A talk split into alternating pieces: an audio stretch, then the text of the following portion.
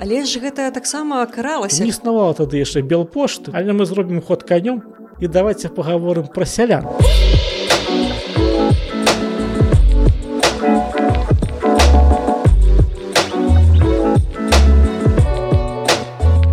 Добрый дзень з вами падкаст так склалася гістарычна я дзягельганна у нас сёння другая частка размовы пра сацыяльную структуру пра грамадства вялікага княства літоўскага і з намі госць гісторык архівіст Евген глінскі. Добрый дзень рады зноў расказваць вам што-небудзь. Працягнем размову напэўна пра саслоі мінулы раз мы гаварылі пра саслове шляхецкае.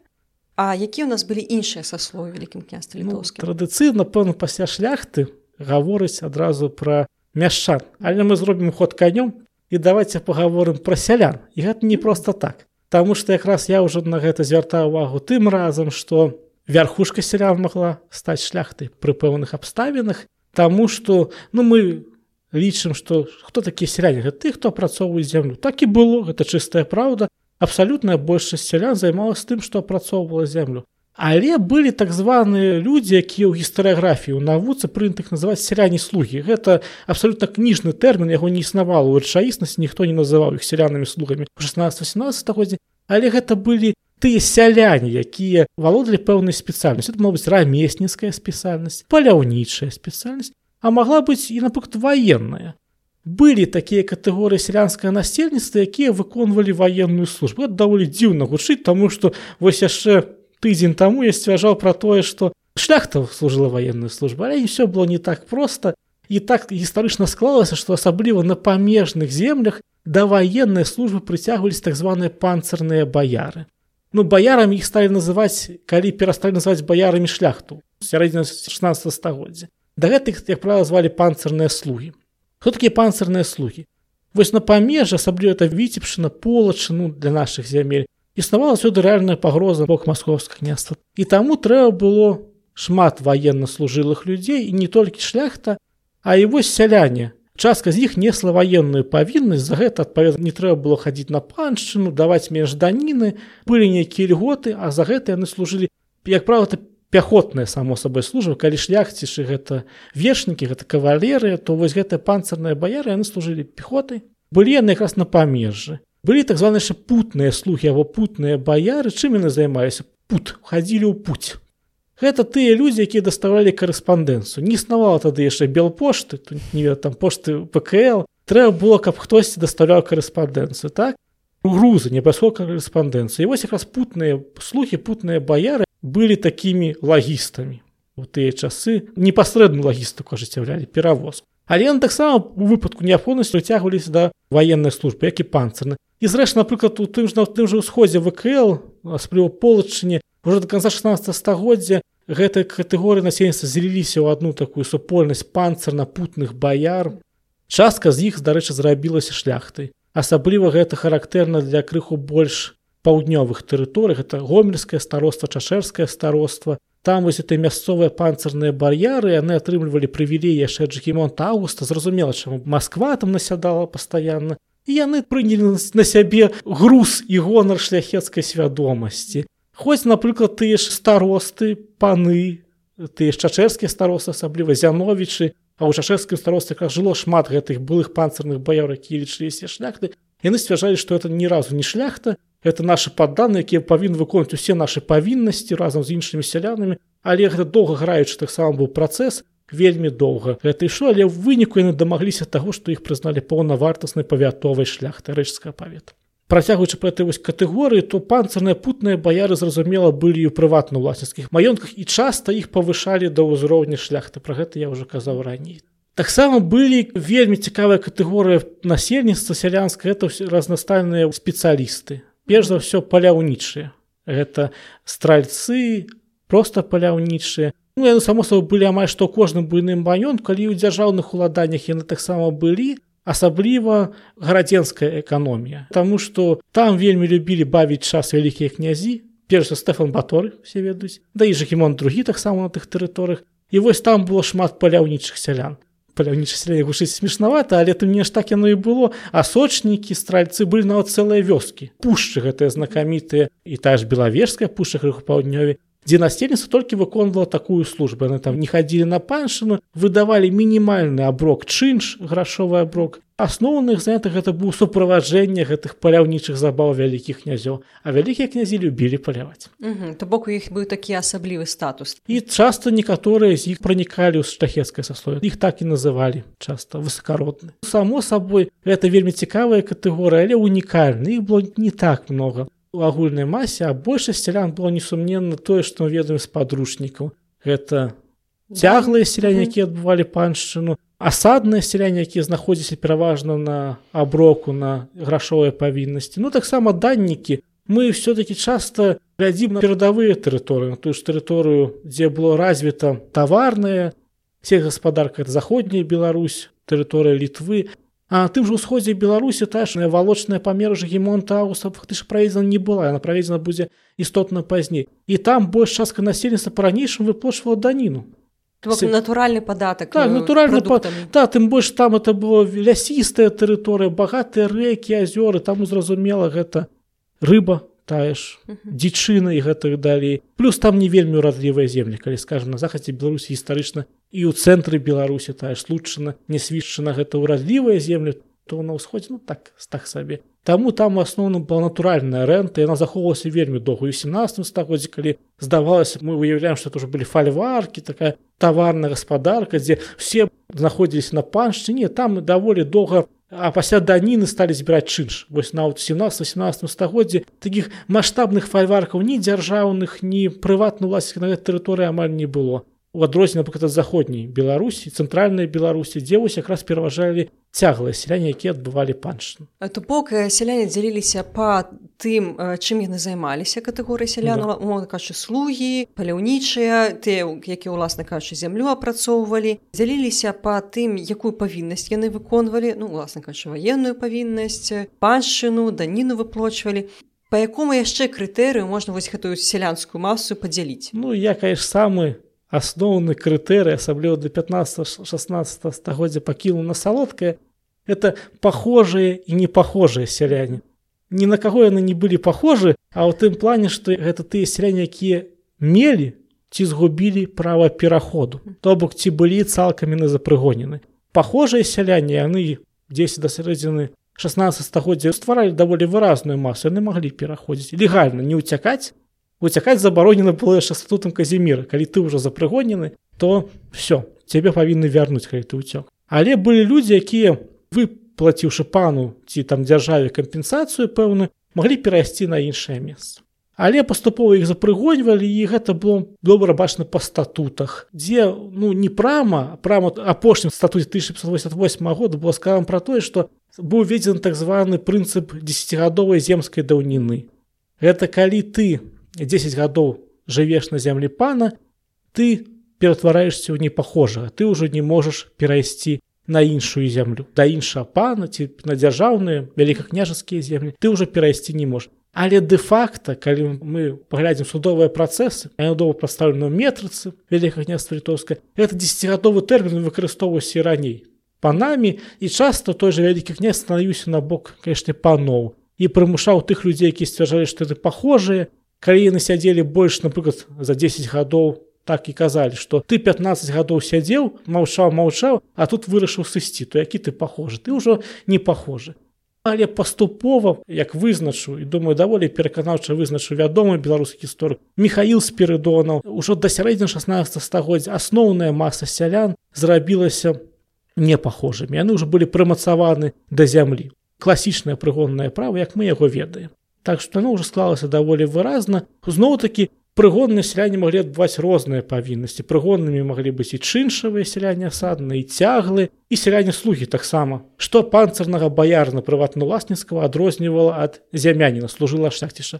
Тое, што служыла шляхціш мог перайсці да іншага пана, а панцырны баярна пакуль знаходзіўся ў гэтым статусе, ён перайсці не мог. Але ну ясна, што можна было ўцячы нават калі мы адкрыем інвентары 17-17 стагоддзя то амаль у кожным маёнтку ёсць людзі з прозвішчамі ну такімі неусталяванымі але ты меж. Захожы прыхожы прыходзька напрыклад на ўсходнім палесе это прозвішчы з празрыстай тэмалогіі гэта чалавек які уцёк ад нейка іншая пана і прыйшоў жыць але каб яго ніхто не даведаўся яго так і называлі. Захожы. Вот ад некуй прыйшоў ну я ж не з паветра ясна што можна было з маскоўскай дзяржавы уцячы груба кажучы але гэта толькі актуальна для памежжа. Калі мы открываем маёнткі слуцкае княства у цэнтры беларусі там прыхожыя захожыя людзі то гэта не з маскоўскай дзяржавы прыбеглі. У слуцк гэта уцяклі ад нейкага іншага пана вот ад радзівіла напрыклад ад аднаго радзіла да іншага. Але ж гэта таксама каралася калі прымалі вось гэтых захожых сялянаў абсолютно верно. Нават ужо каземір і прывялі 1447 года судзельнік каземіра вельмі жорстка забараняў прымаць. І гэта паўторана было ў трох статутах. Але ну зноў-таки трэба было падчас судовага працэсу працэс быў спаборніцкі. Трэба было даказаць што гэта твой селянін. Прывесці сведак а сведак можна паставіць за абодва бакоў. Даць прысягу каб это сведкі далі прысягу. Ну не заўсёды гэта атрымлівалось плюс заўсёды ёсць закон а ёсць яго рэалізацыя. Скажем калі падданы уцёк з дробнага маёнтка уцёк у маёнтак буйнога феадала або скажем ён уцёк у царкоўны маёнтак касцёльны а там як гістарычна так склалася што у касцёльных царкоўных маёнтках былі больш ільготныя умовы для сялян. Вось так ну чамусьці было такая тэма так. І тады так здаралася што відавочнага селяніна які ўцёк прызнавалі селянінам таго бока таго землеўласніка які прыняў яго. Ага. Вось вы сказалі пра царкоўныя маёнткі. Такім чынам у нас ёсць яшчэ адна класіфікацыя для сялянаў. Так. Царкоўныя сяляне гаспадарскі то бок гаспадара вялікага князя і прыватлаўласніцкі А куды яшчэ маглі ўцякаць сяляне акрамя да іншага феадала у царкоўным маёнтка куды яшчэ яны ну самы просты шлях самы такі стэеатыпны шлях это уцячы на парогі уцячы да казакоў. Ну парогі дняпроўскія парогі. Пра іх таксама Сергей емельяну расказу папярэднім падкасці ну это тэрыторыя дзе вось гэта знакамітая запорожская сеч сфарміравалась на працягу друга пало 16 пеш было 17 стагоддзя. Туды тут сяляне ахвотна уцякалі ну не толькі сяляне там былі шляхцішы якія там здрабнелі абяднелі. Але сяляне так это быў такі спосаб что адтуль цяжка было дабіцца нейкай выдачы. Гэта былі ваенныя якія мелі вялікае значэнне для абароны паўднёвых межаў дзяржавы. Ну і скажем улада заплюшвала часта вочы ну і плюс гэта стэп. Там наогул цяжка было знайсці. Можна было уцячы у суседнюю дзяржаву. Або нават у суседні павет. Это вельмі выгодна Таму што у кожным павеце былі свае судовыя выканаўцы. Возныя віжы ну як зараз прыставы. І яны мелі юрысдыкцыю толькі на свой павет А калі ты уцячэш суседні павет будзеце шукаць разбірацца. Ну гэта конечно бонус для тых хто жыў на памеж павету можна уцяшы было тую ж маскоўскую дзяржаву хоць тэндэнцыя хутчэй была адваротная. Уцякалі асабліва сярэдзе 17 стагоддзя калі пачаліся гэтыя праблемы са стараабрацамі то яны ахвотна перасялялись хутчэй вКл частка сялян уцякала напрыклад у інфлянты нават калі яны знаходзіўся ну, фармальна у вялікім месцу літоўскім пасялялі вонск войны час знаходзілася там былі свая спецыфіка зямельных адносін туды уцякалі ну зноў такі прывілегія толькі там сялян брастаўска павета поласка выяво зразумела што з якога-небудзь гомельскага староства можна было уцячы ў інфлянты ну тады можа быць куды-імсь яшчэ можна уцячыкусь бліжэй на ну, тое ж запорожжа напрыклад ну вось такі варыянт але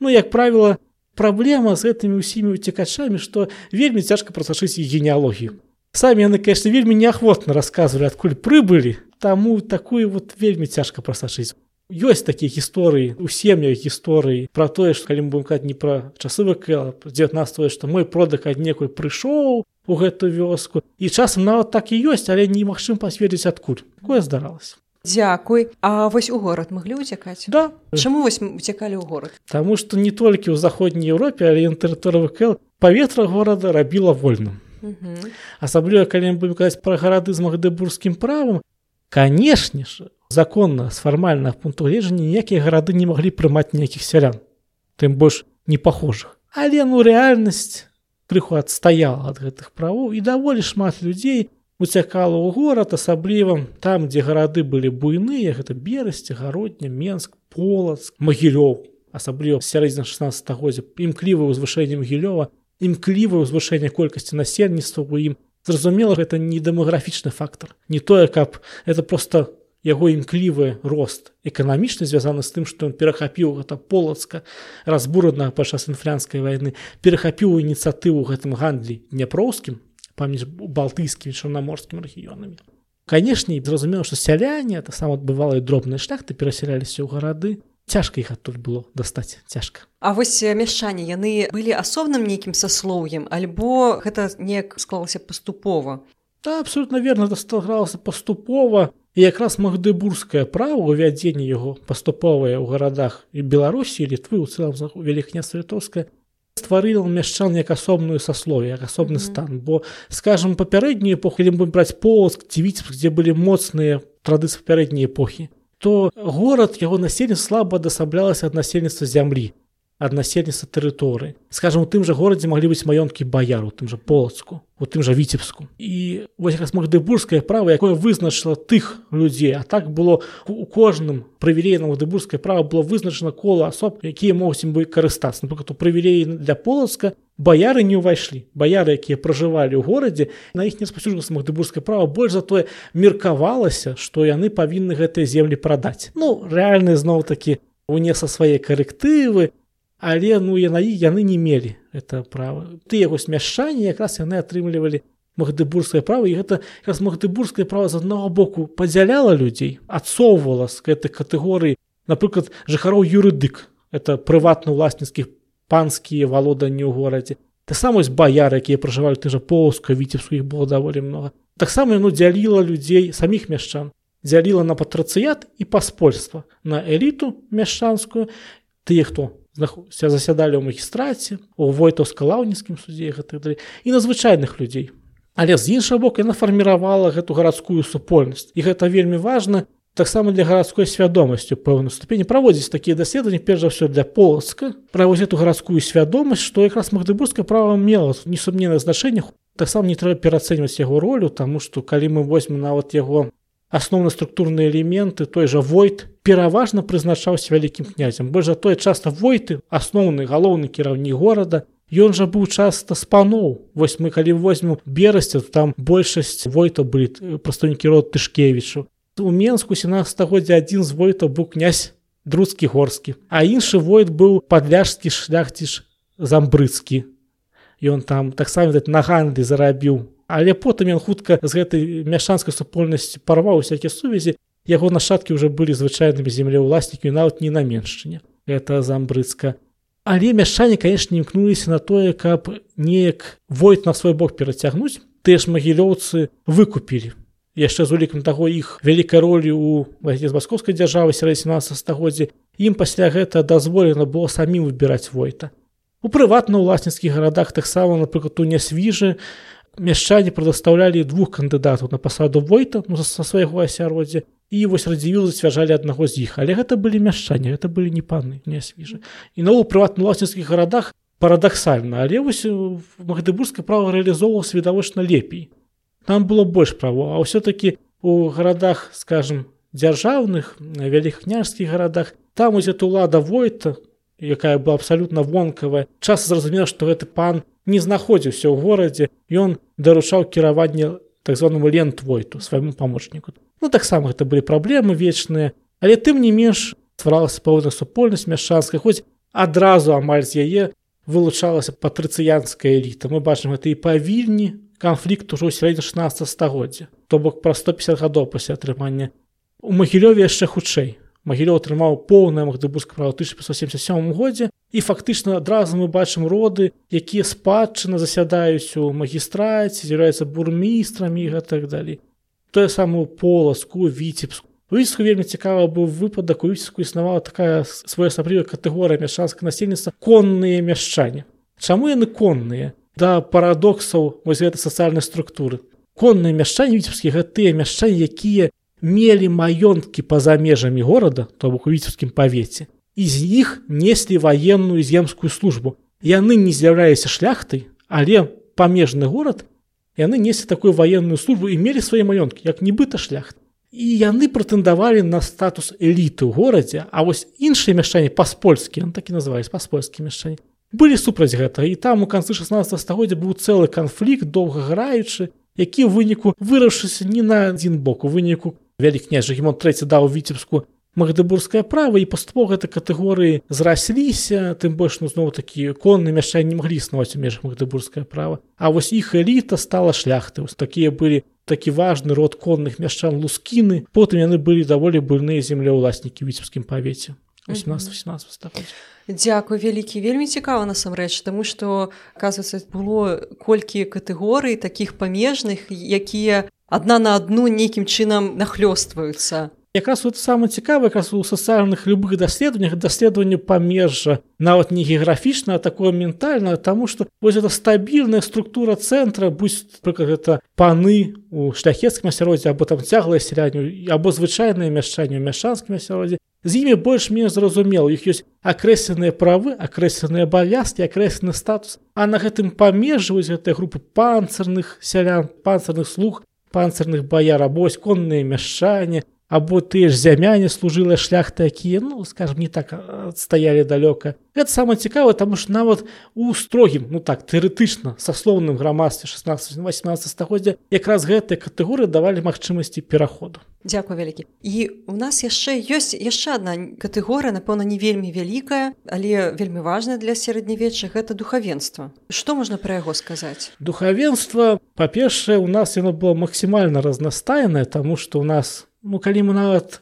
асунем у бокс іудзейскай і мусульманскай духавенства нас несумненна існавала але ну іх было не так много. Нават скажем пануючы частка насельніцтва было падзелена на дзве канфесіі гэта праваславе каталіцызм а потым і на тры з утварэннем уніяцтва праваслаўная іерархія нікуды не дзелася праваславам духавенства ну, існавала хоць у абмежаваным выглядзе тут была свая спецыфіка тое ж каталіцкае духавенства атрымала правялі ягайлы тады ж калі і шляхта у тым ж 1387 годзе там былі таксама шырокія правы дадзены. Яе эліта ты ж біскупы віленскі жамойскі медніцкі біскуп это одно і тое ж кіеўскі луцкі засядалі ў праднейшай галоўнай радзе куды не возім праваслаўны і не возім ніяцкі епіскап так і не трапіў до конца існавання рэчы паспалітай фактычна.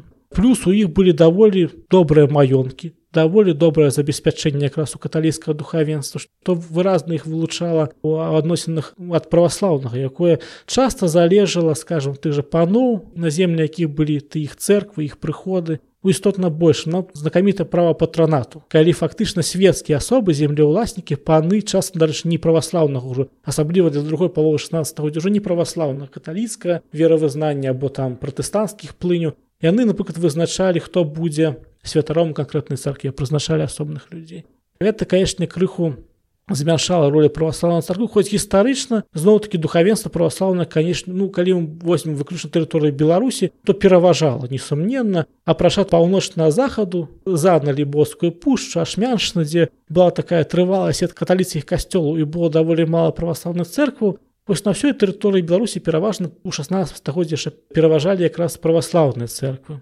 большасць насельніцтва праваслаўных была куды больш густая сетка прыходу як фарміравалася духавенства першапачаткова тое ж каталіцкае духавенства несумненна было з польшчы нават першыя епіскапы віленскія біскупы каталіцкія былі палякі але паступова і эліта іерархіі і шараговае духавенства пажо фарміравацца ну, як правіла з мясцовай шляхты. Выйша 15-16 стагоддзя каталіцкае духавенства фарміравалася са шляхты У той жа час праваслаўныя з самых шырокіх колаў насельніцтва. Там былі выхадцы і са шляхты несумненна. Прычым нават мітрапаліты часта былі з праваслаў мітрапаліты кіеўскія. Ну кіеўскія нефармальна знаходзіліся яны або у вільні або ў наваградку, але тым не менш. Яны часта паходзілі з сярэдняй шляхты, далёк незаможныя або з такіх родаў будуць храптовічы. Ты род, які калісьці быў у фаворы, але ўжо ў той час ну не лепшыя часы перажываў. А вось напрыклад звычайная прыходка духавенства вінов фарміравацца з мяшчан нават сялян хоць зноў такі цяжка прасашыць генеалогію. Тады яшчэ такіх фармальных спісаў